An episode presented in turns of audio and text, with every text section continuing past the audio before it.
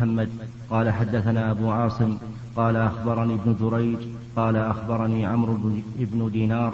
قال سمعت جابر بن عبد الله رضي الله عنهما قال لما بنيت الكعبة ذهب النبي صلى الله عليه وسلم وعباس ينقلان الحجارة. فقال العباس للنبي صلى الله عليه وسلم اجعل إزارك على رقبتك. فخر إلى الأرض. وطمحت عيناه إلى السماء فقال أرني إزاري فشده عليه. في هذا دليل على أن حجار الكعبة حجار عادية من مكة. وأما الحجر الأسود فقيل إنه حجر عادي وقيل إنه نزل من الجنة أشد بياضا من اللبن وأنها سودته خطايا بني آدم. فإن صح هذا فليس بغريب وإن لم يصح فالأصل أن الأحجار الأرضية بعضها من بعض. ولا نلزم بشيء إلا بيقين في مثل هذه الأمور الأمور العظيمة الهامة وفيه حياء النبي صلى الله عليه وعلى آله وسلم شدة حيائه. حتى إنه لما جعل إزاره على كتفه من أجل أن يهون عليه نقل الحجارة خر عليه الصلاة والسلام إلى الأرض. لم يتحمل هذا. وكانوا في الجاهلية لا يهتمون كثيرا في ستر العورة. ولهذا يطوفون عراة. عراة ليس عليهم شيء. والمرأة الحية التي فيها الحياة الكامل تجعل يدها على فرجها. وتقول اليوم يبدو بعضه أو كله. إن كان اليد صغيرة فيبدو منه كثيرا. كثير وإن كانت كبيرة لا يبدو إلا الله أعلم. المهم أن تقول اليوم يبدو بعضه أو كله وما بدا منه فلا أحل. سبحان الله. تمشين أمام الناس عادي وتقول لا أحله كل الناس بينظر هذا من جهلها في الواقع نعم. حدثنا عبد الله بن مسلم. وجه مناسبة هذا الباب هذا الحديث الباب. أن النبي صلى الله عليه وسلم شارك في بناء الكعبة. نعم. حدثنا عبد الله بن مسلمة عن مالك عن ابن شهاب عن سالم بن عبد الله أن عبد الله بن محمد بن أبي بكر أخبر عبد الله بن عمر عن عائشة رضي الله عنهم زوج النبي صلى الله عليه وسلم أن رسول الله صلى الله عليه وسلم قال لها ألم تري أن قومك لما بنوا الكعبة اقتصروا على قواعد إبراهيم؟ فقلت يا رسول الله ألا تردها على قواعد إبراهيم. اقتصروا عن. اقتصروا عن قواعد. على. على. لا غلط. اقتصروا عن. أن رسول الله صلى الله عليه وسلم قال لها ألم تري أن قومك لما بنوا الكعبة اقتصروا عن قواعد إبراهيم؟ فقلت يا رسول الله ألا تردها على قواعد إبراهيم؟ قال لولا حدثان قومك بالكفر لفعلت.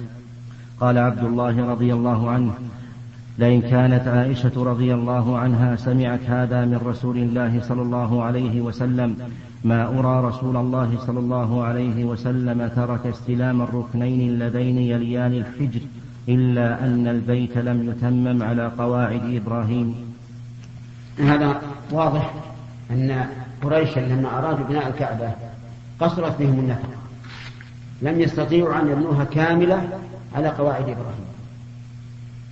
فرأوا أن يخرجوا بعضها وحجروه من أجل أن يتم الطواف على الكعبة في الأصل. وتركوا الجانب الجانب اليمين لأن فيه الحجر. تركوه الجانب هذا الجانب لأن فيه الحجر. فصار حج الكعبة في قواعد إبراهيم من من جهة اليمن. هو حجها الآن. من جهة الشام حدها دون الحجر. والحجر قيل إنه كله من الكعبة وقيل إن أكثره من الكعبة. وهو وهو المشهور عند العلماء أن أكثره من الكعبة. نحو ستة أذرع. أو أو نحو. ويقول عائشة رضي الله عنها عرضت على النبي صلى الله عليه وسلم أن يردها على قواعد إبراهيم. ولكن النبي صلى الله عليه وعلى آله وسلم ذكر مانعا وهو خوف الفتنة لأن قومها أي قريشا كانوا حديث عهد بكفر.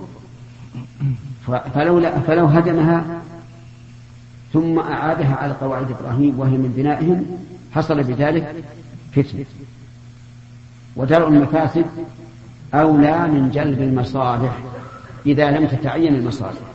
وهنا ليست متعينة لأنهم الحمد لله جعلوا هذا الحجر وفي هذا الحديث دليل على ترك الأفضل إلى المفضول خوفا من المفسدة. وهذه قاعدة عظيمة. قعدها النبي صلى الله عليه وعلى آله وسلم وهي مأخوذة من قوله تعالى ولا تسبوا الذين يدعون من دون الله فيسبوا الله عدوا بغير علم. فنهى عن سب آلهتهم مع أنها جديرة بالسب خوفا من أن يسبوا من هو منزه عن السب وهو الله عز وجل. وفي وفي هذا دليل على إضافة الشيء إلى سببه دون ذكر الله عز وجل. لولا حثان قوم ما قال لولا الله ثم؟ وهذا نسبة صحيحة. إذا نسب الإنسان الشيء إلى سببه الصحيح دون ذكر الله عز وجل فهو حق. صحيح جائز.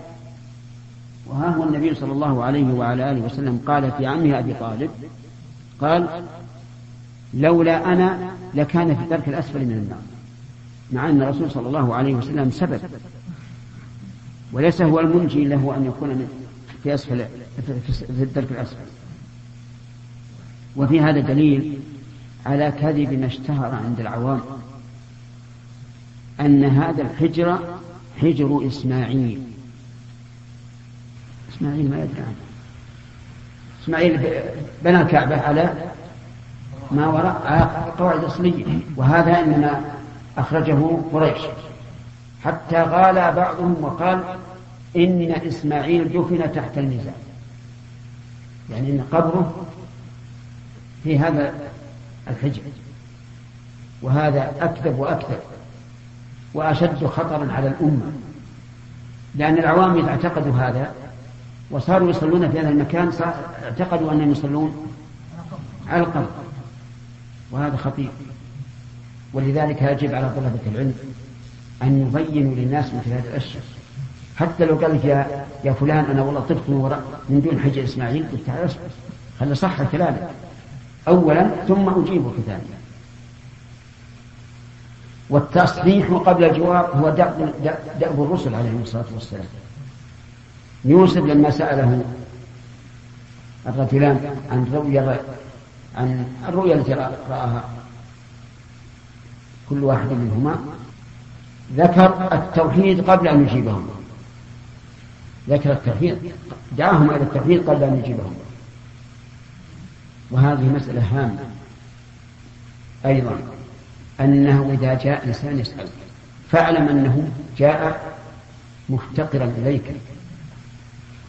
سيقبل ما تريد. فابدأه أولا بنصيحة إذا كان على وجه يجب الإنكار عليه إيه نعم إذا كان متلبسا بشيء يجب إنكاره. لأنه محتاج الآن قابل للموعد وفي هذا آه، صحة استنباط عبد الله بن عمر رضي الله عنه حيث قال ما أرى ترك استلام الركنين الشام والغربي إلا لأنهما ليس على قواعد إبراهيم وهذا استنتاج صحيح. نعم يا أحمد. الذي طاف البيت. في شوط واحد من الأشواط طاف داخل الحمام هل يصح طوافه؟ شوط واحد فقط؟ إيه. واحد. لا سبعة. السابع طاف داخل يعني شوط واحد. داخل يكون طاف سبعة أشواط إلا ثلث فما رأيك؟ غير تام غير تام ولهذه كان المسألة واقعة. فإن كان طواف الوداع فعليه دم. وإن كان طواف الإفاضة فهو الآن لم يحل التحلل الثاني. وإن كان طواف القدوم فالأمر سهل. لأنه إذا حج بعده صار قارنا حيث أدخل الحج. على العمرة قبل الطواف. فهمت الآن؟ صارت ثلاثة أحوال. إن كان طواف الوداع فعليه دم وإن كان طواف القدوم صار قارنا حيث أدخل الحج على العمرة قبل طوافه. لأن هذا الطواف لا يعتد به وإن كان طواف الإفاضة فهو لا يزال الآن على ما بقي من إحرامه. فعليه أن يتجنب أهله وأن لا يتزوج إلا أن يكون له زوجة حتى يرجع إلى مكة ويطوف طواف الإفاضة نعم. شيخ بارك الله فيكم. قوله قواعد إبراهيم. نعم. هل يفهم من هذا أن إبراهيم هو من هو أول من بنى الكعبة؟ هذا فيها قولان. القول الأول أن إبراهيم عليه الصلاة والسلام هو أول من بنى الكعبة وهذا ظاهر القرآن. والقول الثاني أنه جدد البناء. جدد البناء. والأول أقرب. الآن. وأما قول النبي صلى الله عليه وعلى آله وسلم فهو حرام بحرمة الله منذ خلق السماوات والأرض فالمراد أن الله كتب حرمته في اللوح المحفوظ. نعم.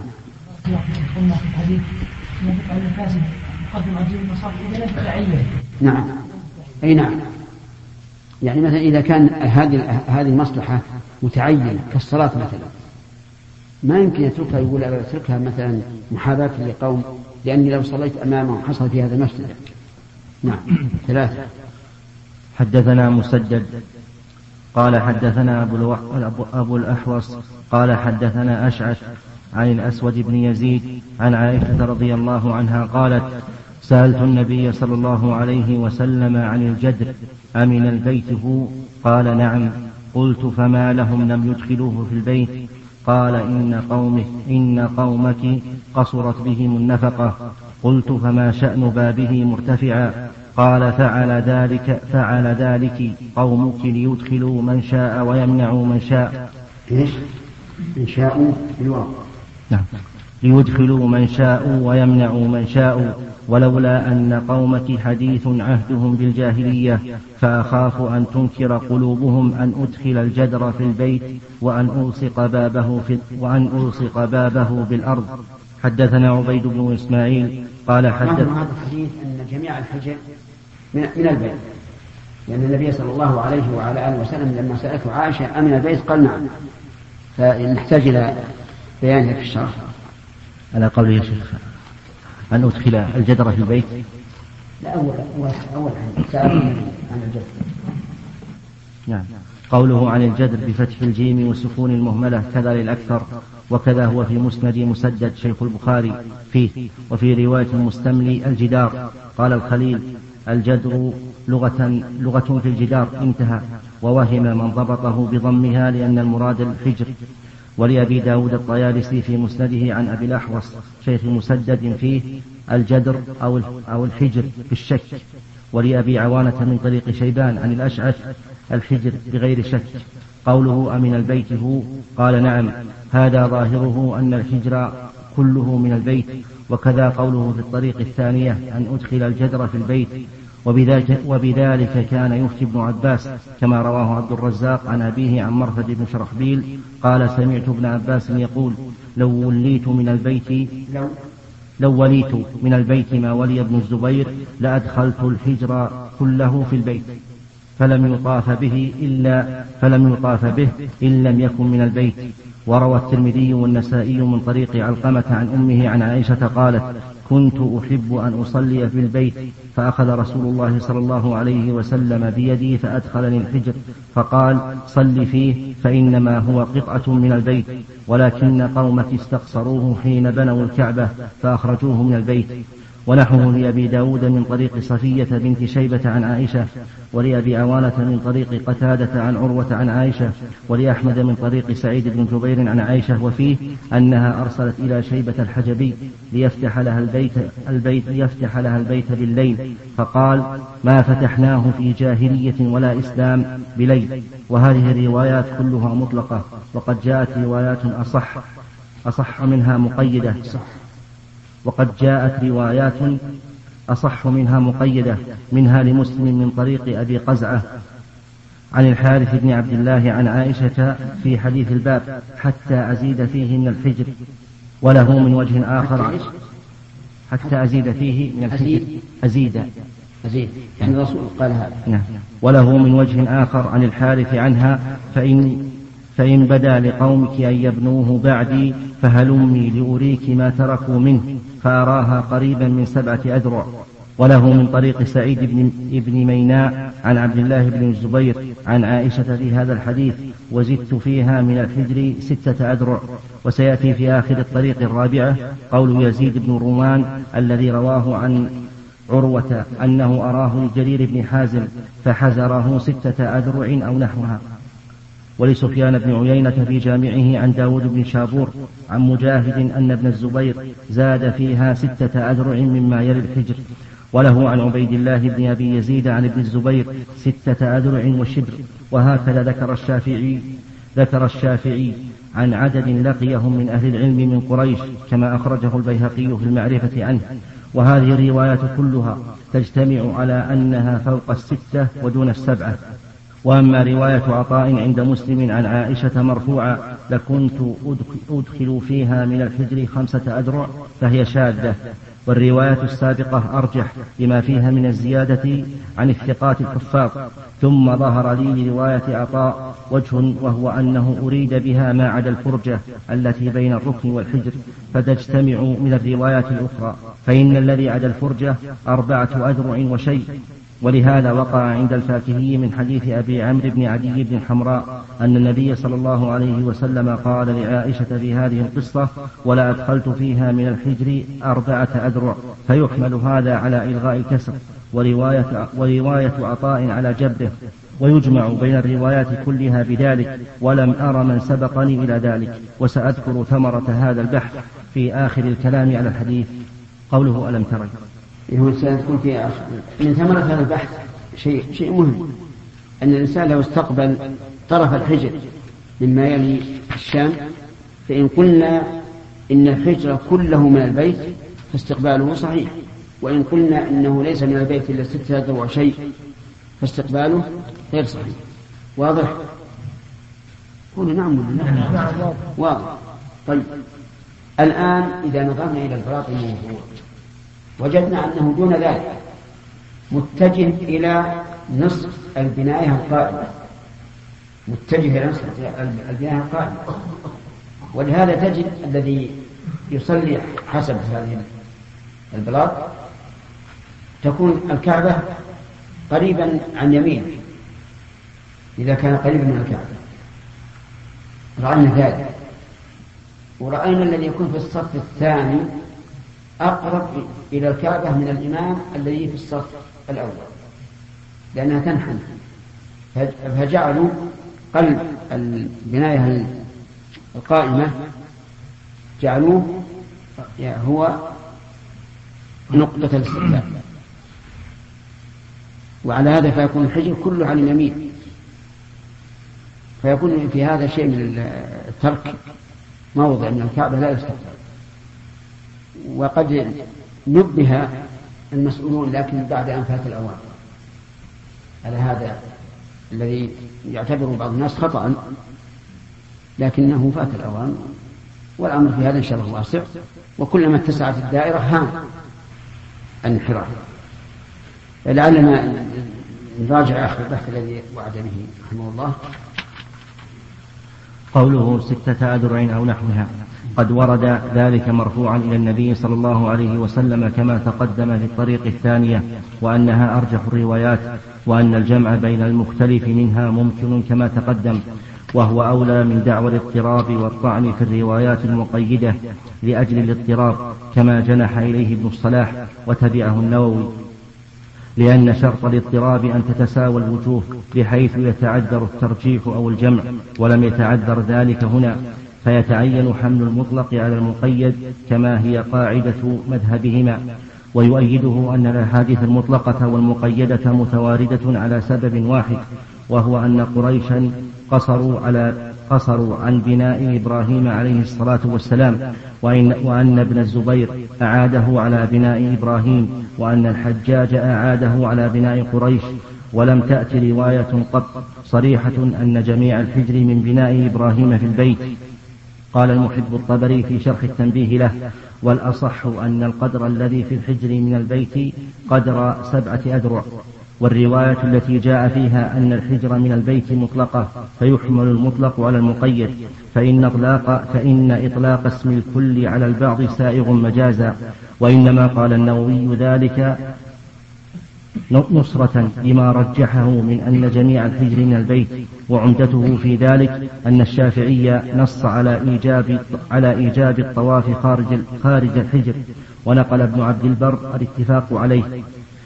ونقل ابن عبد البر الاتفاق عليه. ونقل غيره أنه لا يعرف, لا يعرف في الأحاديث المرفوعة ولا عن أحد من الصحابة ومن بعدهم أنه طاف من داخل الحجر وكان عملا مستمرا. ومقتضاه أن يكون جميع جميع الحجر من البيت.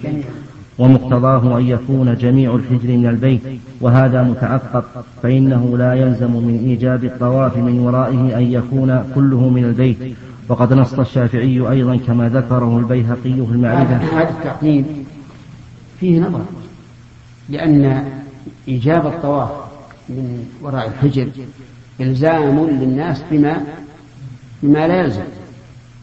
لأن الطواف إنما يكون بالبيت. فالزائر لماذا يلزم الناس به؟ لولا أنه من البيت. اللهم إلا أن يكون تغير البناء بعد عهد الرسول صلى الله عليه وعلى آله وسلم فلا وإلا فقد قال لماذا لا يضع لم يضعوا طرف الحجر أو جدار الحجر من مال الشام على حد الكعبة؟ وهذا متعقب ومقتضاه أن يكون جميع أن يكون جميع الحجر من البيت وهذا متعقب فإنه لا يلزم من إيجاد الطواف من ورائه أن يكون كله من البيت. فقد نص الشافعي أيضا كما ذكره البيهقي في المعرفة أن الذي في الحجر من البيت نحو نحو من ستة أذرع ونقله عن عن عدة من أهل العلم من قريش لقيهم كما تقدم. فعلى هذا فلعله رأى إيجاب الطواف من وراء الحجر احتياطا وأما العمل فلا حجة فيه على الإيجاب. فلعل النبي صلى, فلعل النبي صلى الله عليه وسلم ومن بعده فعلوه استحبابا للراحة من تسور الحجر لا سيما والرجال والنساء يطوفون جميعا فلا يؤمن من المرأة التكشف. أقول تخفيفا لأن يتسور الحجر. لأنها أسهل من هذا إيش؟ أن يهدم الزائد ويجعل على حد الكعبة الأصلي ومن يتصور أن أحدا يطوف وإذا انتهى إلى حد الكعبة الأول قمص مع الجدار. ما حد فعل نعم. فلعلهم أرادوا حسم هذه المادة وأما ما نقله المهلب عن, عن, عن ابن أبي زيد أن حائط الحجر لم يكن مبنيا في زمن النبي صلى الله عليه وسلم وأبي بكر حتى كان عمر فبناه ووسعه قطعا للشك وأن الطواف قبل ذلك كان حول البيت ففيه نظر وقد أشار المهلب إلى أن عمدته في ذلك ما سيأتي في باب بنيان الكعبة في أوائل السيرة في أوائل السيرة النبوية بلفظ. لم يكن حول البيت حائط. كانوا يصلون حول البيت حتى كان عمر فبنى حوله حائطا جدره قصيرة فبناه ابن الزبير. انتهى. وهذا إنما هو حائط وهذا إنما هو في حائط المسجد لا في الحجر فدخل الوهم على قائله من هنا. ولم يزل الحجر موجودا في عهد النبي صلى الله عليه وسلم كما صرح به كثير من الأحاديث الصحيحة. نعم في الحكم بفساد طواف من دخل الحجر وخلى بينه وبين البيت سبعة, سبعة أذرع نظر وقد قال بصحته جماعة من الشافعية كإمام الحرمين ومن المالكية كأبي حسن كأبي الحسن اللخمي. وذكر الأزرقي أن عرض ما بين الميزاب ومنتهى الحجر سبعة عشر ذراعا وثلث, وثلث, وثلث ذراع. منها عرض جدار الحجر ذراعان وثلث وفي بطن الحجر خمسة عشر ذراعا. فعلى هذا فنصف الحجر ليس من البيت فلا يفسد طواف من طاف دونه والله أعلم. وأما قول المهلب إن الفضاء لا يسمى بيتا وإنما البيت البنيان لأن شخصا لو حلف لا يدخل بيتا فانهدم ذلك البيت فلا يحنث بدخوله فليس بواضح. فإن المشروع من الطواف ما شرع, ما شرع للخليل بالاتفاق فعلينا أن نطوف حيث طاف.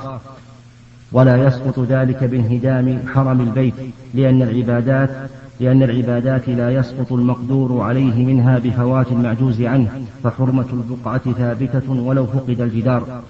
وأما اليمين فمتعلقة بالعرف ويؤيده ما قلناه أنه لو انهدم مسجد فنقلت حجارته إلى موضع آخر بقيت حرمة المسجد بالبقعة التي كان بها ولا حرمة لتلك الحجارة المنقولة إلى غير مسجد فدل على أن البقعة أصل للجدار بخلاف العكس أشار إلى ذلك ابن المنير في الحاشية. وفي حديث بناء الكعبة من الفوائد غير ما تقدم ما ترجم عليه المصنف في العلم وهو ترك بعض الاختيار مخافة أن يقصر عنه أن يقصر عنه فهم بعض الناس والمراد بالاختيار في عبارته المستحب. وفيه اجتناب ولي الأمر ما يتسرع الناس إلى إنكاره وما يخشى منه تولد الضرر عليهم في دين, في دين أو دنيا. وتألف قلوبهم بما لا يترك فيه بما لا يترك فيه أمر واجب. وفيه تقديم الأهم فالأهم من دفع المفسدة وجلب المصلحة وأنهما إذا تعارضا بدأ بدفع المفسدة وأن المفسدة إذا أمن وقوعها عاد استحباب عمل المصلحة وحديث الرجل مع أهله في الأمور في الأمور العامة وحرص الصحابة على امتثال أوامر النبي صلى الله عليه وسلم. حديث الرجل في الأمور العامة لأن النبي صلى الله عليه وعلى آله وسلم تحدث إلى عائشة في هذا الأمر العام. المهم أننا نقول الطواف لا بد أن يكون بجميع الحجر. لا أشكال فيها. لأنه عمل المسلمين. وأن الرجل لو قفز وطاف على جدار الحجر لا يصح طواف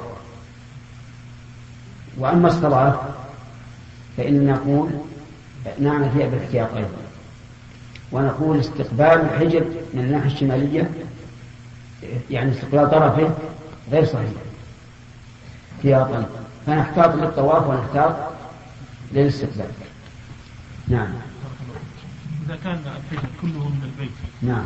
فلا يصير من جهة الشام لا يصير ركنان مثل نعم. الجهة الثانية لأن الحجر جاء نصف دائرة نعم. كيف يكون؟ هو السبب في هذا أنه لو جعلوه مربعا يعني له زاوية لاستلمه الناس. ولم يتبطنوا إلى أنه على على غير قواعد إبراهيم. هذه الزيادة هذا عشان من أجل أن لا يتمسح الناس به. نعم. استلام الحجر الأسود والركن اليماني هل يستلم الجزء المكتوب الذي يسمى حجرا الأسود والركن اليماني أو كل الركن؟ يعني من فوق ومن تحت قصدك؟ لأن الحجر واضح الحجر واضح أنه الحجر الأسود الذي عليه الطوق نعم الظاهر أصله أنه أنه جعل لحفظ الحجر وتثبيته نعم.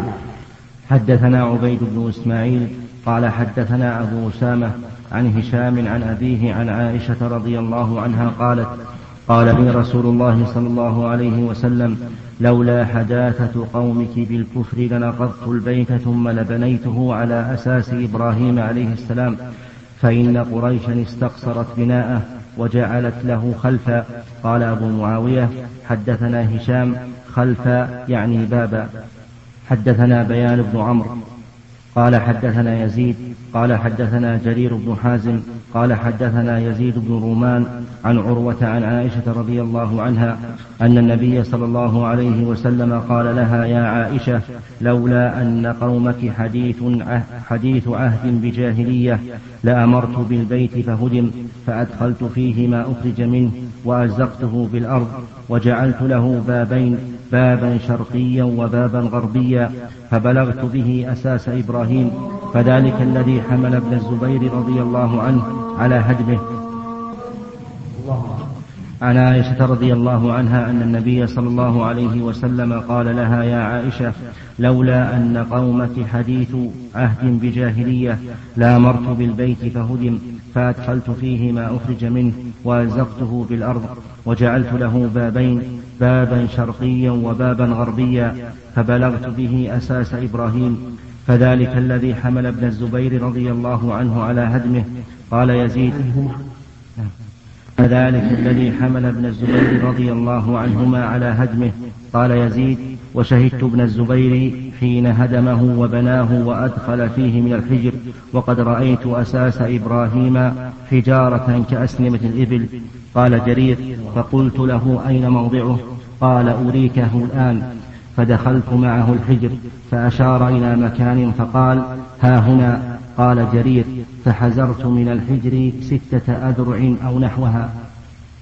هذا صريح في أن قواعد إبراهيم دون استكمال الحجر المطور وعلى هذا يمكن أن يحمل قول النبي صلى الله عليه وسلم أمن البيت وهو قال نعم على الأكثر لأن ستة أذرع ونحوها أكثر من من الباقي باب فضل الحرم وقول الله تعالى إنما أمرت نعم يا وليد فهمت الآن؟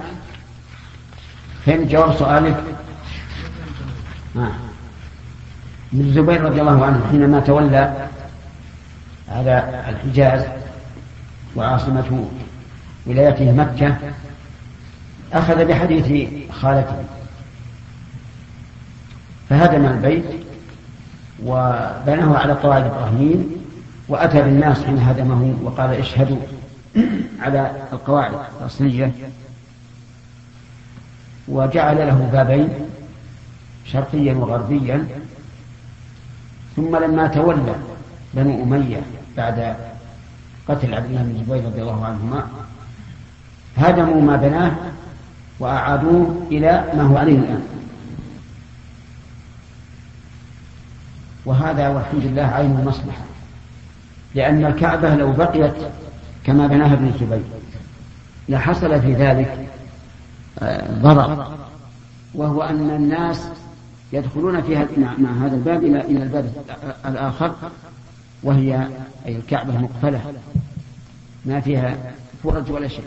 ويحصل في هذا من الاختناق والمزاحمة. ما هو ظاهر الآن والحمد لله لها بابان. باب شرقي وباب غربي وهو ما بينها وبين الحجر. فمن أراد أن يصلي في الكعبة يدخل من أحد البابين ويصلي في الحجر من ماء الكعبة. فلذلك كان الواقع والحمد لله هو يعني كان المصلحة فيما حصل. ولما تولى أحد الخلفاء من بني أمية وأظن هارون الرشيد استشار مالك رحمه الله. أيرد البيت إلى إلى ما بناه ابن الزبير أو لا؟ فأشار عليه مالك أن لا. وقال له لا تجعل بيت الله ملعبة للملوك كلما جاء ملك غير. فصارت الخير في الواقع الحمد لله نعم. انتهى. يلا وليد. باب فضل الحرم وقوله تعالى إنما أمرت أن أعبد رب هذه البلدة الذي حرمها وله كل شيء وأمرت أن أكون من المسلمين. وقوله جل ذكره أولم نمكن لهم حرما آمنا يجبى إليه ثمرات كل شيء رزقا من لدنا ولكن أكثرهم لا يعلمون. قوله تعالى إن قل إنما أمرت نعم إنما أمرت أن أعبد رب هذه البيت البلدة الذي حرمها. يعني جعلها حرما آمنا. وله كل شيء. هذه الجملة من أحسن ما يكون. لأنه لما قال ربها أن يعبد رب هذه البلدة الذي حرمها قد يفهم فاهم أن ملك الله مقتصر عليها. فقال وله كل شيء. وهذا يسمونه في البلاغة الاحتراس. وأمرت أن أكون من المسلمين. وقوله جل ذكره أولم نمكن لهم حرما آمنا يجبى إليه ثمرات كل شيء رزقا من نمكن لهم أي نهيئ لهم. على وجه التمكين. حرما آمنا هو ما كان داخل حدود الحرم المعروف. يجبى إليه أي يساق إليه. آه، ثمرات كل شيء رزقا من لدنا وهذا بيان امتنان الله عز وجل على قريش بهذا الحرم الآن. حتى أن الرجل في الجاهلية في الجهلة لو وجد قاتل أبيه في الحرم لم يقتله. لاحترامه عندهم. حدثنا علي بن عبد الله قال حدثنا جرير بن عبد الحميد عن منصور عن مجاهد عن طاووس عن ابن عباس رضي الله عنهما قال قال رسول الله صلى الله عليه وسلم يوم فتح مكة إن هذا البلد حرمه الله لا يعبد شوكه ولا ينفر صيده ولا يلتقط نقطته إلا من عرفها. واضح ولا ما تعليق الله. واضح. نعم. باب توريث دور مكة وبيعها وشرائها وأن الناس في المسجد الحرام سواء خاصة.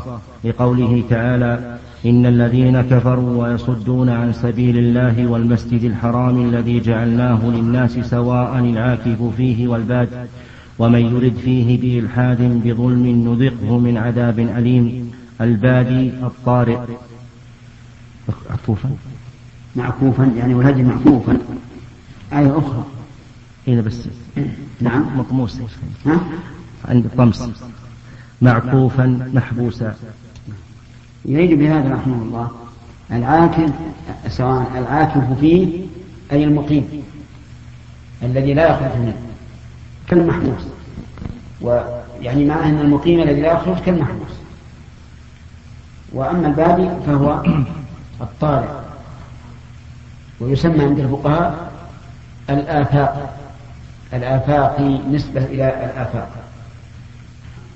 هذه المسألة في الواقع اختلف فيها العلماء. توريث دور مكة وبيعها وشرائها وأن الناس في في مسجد الحرام سواء خاصة يعني المسجد الذي هو المسجد. توريثها يعني أنها تورث. بيعها وشراؤها بناء على أنها تملك. وهذه المسألة اختلف فيها العلماء رحمهم الله. فمنهم من قال إنه لا يجوز بيعها ولا شراؤها ولا تأجيرها لقوله تعالى سواء فيه هو الباب ومنهم من قال يجوز بيعها وشراؤها وتأجيرها لأنه إذا ثبت التوريث ثبت الملك وإذا ثبت الملك صار شاملا لملك العين وملك الانتفاع. ومنهم من فصل قال أما ملكها وبيعها وشراؤها عينا فلا بأس به فهو ثابت. وأما تأجيرها فلا يجوز. وأن من عنده فضل مساكن في مكة يجب عليه فتحها للحجاج فلا يختص بها. وعلم ذلك بأن مكة حرم كالمساجد. وهذا اختيار شيخ الإسلام ابن تيمية رحمه الله أنه يجري فيها ملك العين. من بيع وشراء وهبة وتوريث وغير ذلك ولا يجري فيها ملك المنفعة بل يكون صاحب البيت أحق به من غيره وإذا استغنى عنه وجب فتحه للناس يسكنونه بدون أجرة. لكن العمل الآن على على أنه ملك تام يملك فيه المالك العين والمنفعة ولهذا يجري فيه التبايع ويجري فيه التأجير والرهن والارتهان والإيقاف وغير هذا. نذكر الخلاف. قوله باب توريث دور مكة وبيعها وشرائها وأن الناس في المسجد الحرام سواء خاصة. لقوله تعالى إن الذين كفروا ويصدون عن سبيل الله والمسجد الحرام الذي جعلناه للناس سواء. الآية أشار بهذه الترجمة. إلى تضعيف حديث علقمة بن نضلة قال توفي رسول الله صلى الله عليه وسلم وأبو بكر وعمر وما تدعى رباع مكة إلا السوائب من احتاج سكن أخرجه ابن ماجه. هذه انقطاع وإرسال وقال بظاهره ابن عمر ومجاهد وعطاء. قال عبد الرزاق عن ابن جريج كان عطاء ينهى عن الكراء في الحرم فأخبرني أن عمر نهى أن تبوب دور مكة لأنها ينزل الحاج في عرصاتها فكان أول من بوب داره سهيل بن عمرو واعتذر عن أو أول يجوز أول النصب سهيل. واعتذر عن ذلك لعمر وروى, وروى الطحاوي من طريق إبراهيم بن مهاجر عن مجاهد أنه قال مكة مباح لا يحل بيع نعم نعم. أنه قال مكة مباح لا يحل بيع رباعها ولا إجارة ولا إجارة بيوتها. وروى عبد الرزاق من طريق من طريق إبراهيم بن مهاجر عن مجاهد عن ابن عمر لا يحل بيع بيع بيوت مكة ولا إجارتها. وبه قال الثوري وأبو حنيفة وخالفه صاحبه أبو يوسف واختلف عن محمد.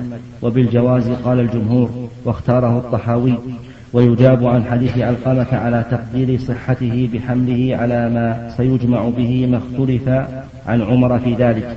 واحتج الشافعي بحديث أسامة الذي أورده البخاري في هذا الباب. قال الشافعي فأضاف الملك إليه وإلى من ابتاعها منه وبقوله صلى الله عليه وسلم عام الفتح من دخل دار أبي سفيان فهو آمن فأضاف الدار إليه واحتج ابن خزيمة بقوله تعالى للفقراء المهاجرين الذين أخرجوا من ديارهم وأموالهم فنسب الله الديار إليهم كما نسب الأموال إليهم. ولو كانت الديار ليست بملك لهم لما كانوا مظلومين في الإخراج من دور ليست بملك لهم. أيها الإخوة لم يتم التعليق في هذا الشريط.